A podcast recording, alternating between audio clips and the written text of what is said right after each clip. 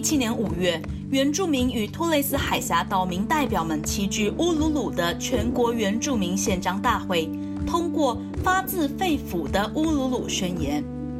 这项宣言提倡澳大利亚修宪，在宪法中承认澳洲原住民以及遵循真相、正义及自觉的价值发展。来自于全国各地的我们。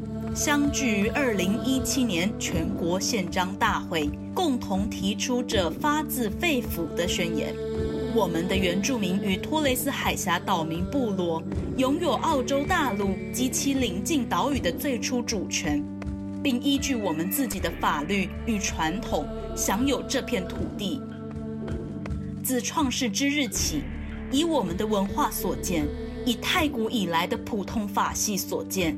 以超过六万年的自然科学所见，我们的祖先立根于此。这片拥有主权的土地，属于一种精神概念，即土地或自然母亲与原住民托雷斯海峡岛民之间的祖系纽带。他们出生于此，与这片土地紧密相连。终有一日，他们将归位原处。与我们的祖先团聚，此种纽带为其拥有此土地之本，乃至于主权之本。主权从未割让或消亡，与王室主权并存，非此为何？其人民拥有此片土地六万余载，岂可在近两百年内的短时间就消匿于世界历史？实质性修宪及实施结构性改革，让我们相信。此古老主权将长盛不衰，使澳大利亚国家之品格更饱满、更完整。就比例而言，我们为世上受最多监禁的人民，但我们不是生来犯罪的民族。我们许多的孩子早早就与家人分离，但不是因为我们不爱他们。我们的青年身陷囹圄，饱受折磨，数量之多令人发指。他们本应是我们未来的希冀。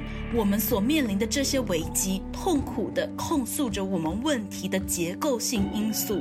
这，就是我们无力的煎熬。我们寻求宪法改革，为我们民族赋能，为能在自己的国家享有应有的地位。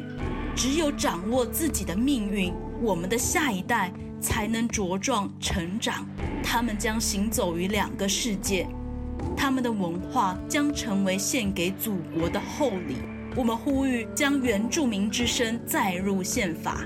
马卡巴塔是我们运动的最终目标，在苦难后团结一致。它包含我们与澳大利亚人民建立起公平、真正友谊的愿景，象征着用正义、自觉为我们下一代创造更好的未来。我们寻求建立马卡拉塔委员会，成为监督政府与原住民之间的协议进程，并讲述我们民族的历史真相。一九六七年，我们被纳入人口计算；二零一七年，我们希望被倾听。我们离开大本营，用脚步丈量这个广袤的国家。我们邀您与我们同行，加入澳大利亚的人民运动，共创一个更美好的未来。